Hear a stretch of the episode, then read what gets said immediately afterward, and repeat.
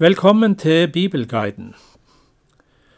Så er vi i vår gjennomlesning av profeten Jesaja kommet fram til det siste avsnittet.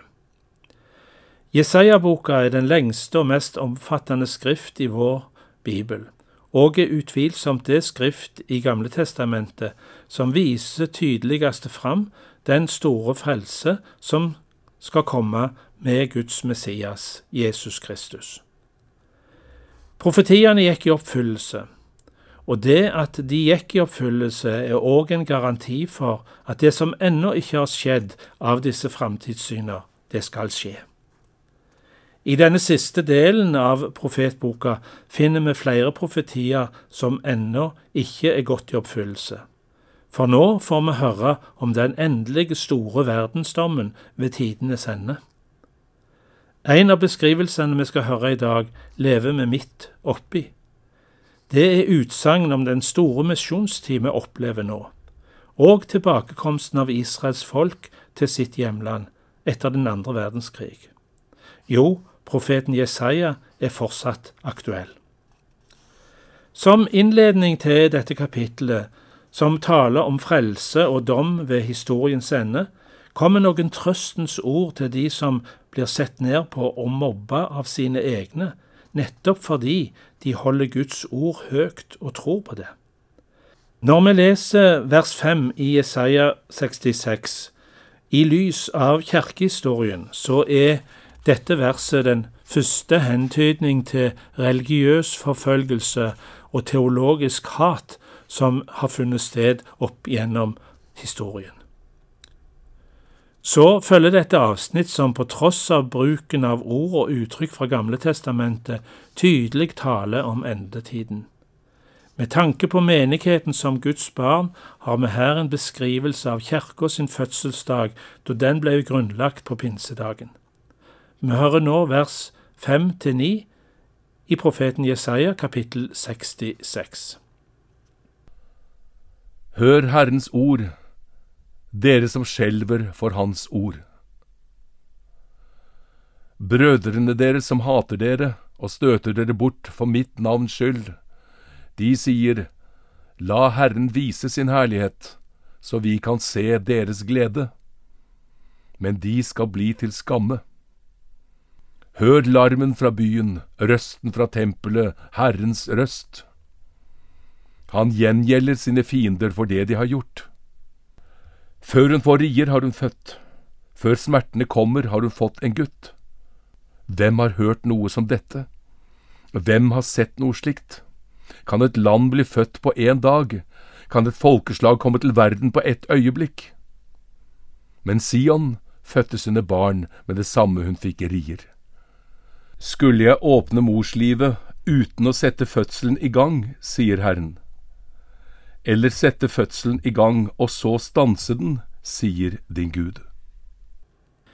I de neste versene brukes så bilder av en mors forhold til sine barn for å beskrive forholdet mellom Gud og sine troende.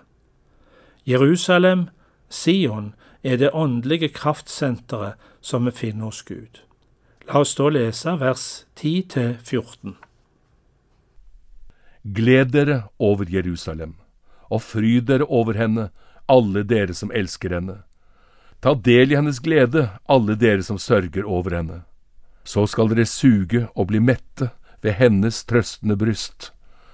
Dere skal drikke og nyte hennes herlige brystvorter.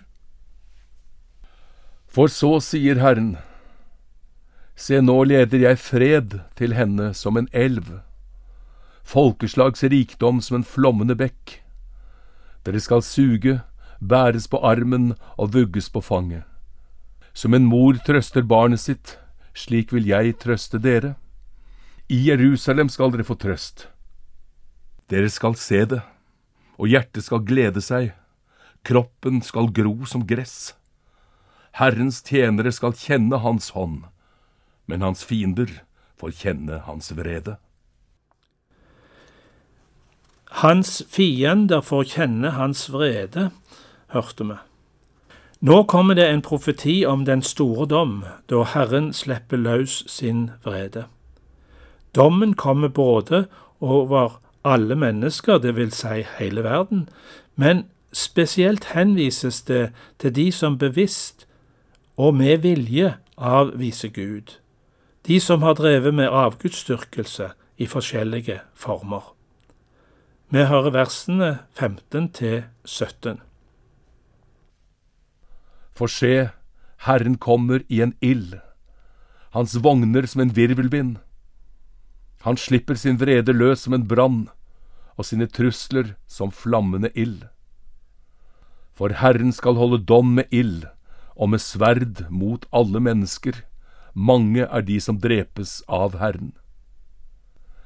De som gjør seg hellige og rene for å gå til hagene etter en som er der inne, de som spiser svinekjøtt, motbydelige ting og mus, de skal gå til grunne alle sammen, sier Herren. Så skal vi lese et av de klareste utsagn i Det gamle testamentet om den store misjonstid som starta på pinsedagen, og som varer ennå. Dette er en flott beskrivelse av den universelle kristne kirka og dens oppdrag i verden. Og her må vi ha i tanke at disse framtidsvisjonene blir uttrykt med ord og begreper fra Det gamle testamentet, men taler altså om ting som vi ennå ikke har opplevd. La oss høre versene 18 til 21. Jeg vet hva de gjør og hva de tenker.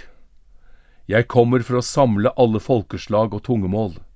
De skal komme og se min herlighet.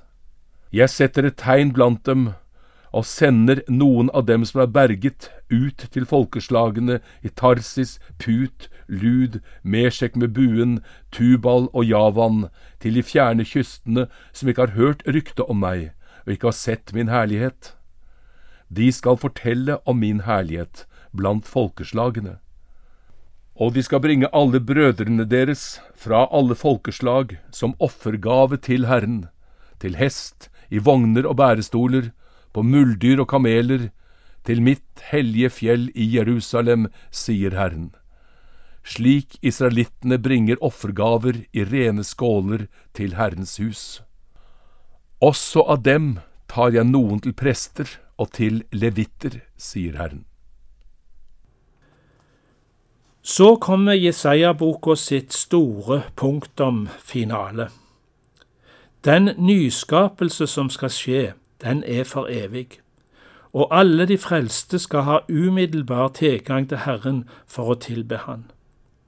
Mens utenfor den evige stad, der er stedet der marken ikke dør og ilden aldri slukner. Helt til slutt blir vi minnet på at det å avvise frelsen som Gud gav oss med Messias, får sine følger. For slik den nye himmel og den nye jord som jeg skaper, alltid skal bestå for mitt ansikt, sier Herren. Slik skal deres ett og navn bestå. Og det skal skje. Fra nymånedag til nymånedag, fra sabbat til sabbat, skal alle mennesker komme og tilbe for mitt ansikt, sier Herren. De skal gå ut og se likene av de menneskene som gjorde opprør mot meg. For dem skal marken ikke dø og ilden ikke slukne. De skal være en gru for alle mennesker. Og med dette sier vi takk for følget gjennom 66 kapitler hos profeten Jesaja.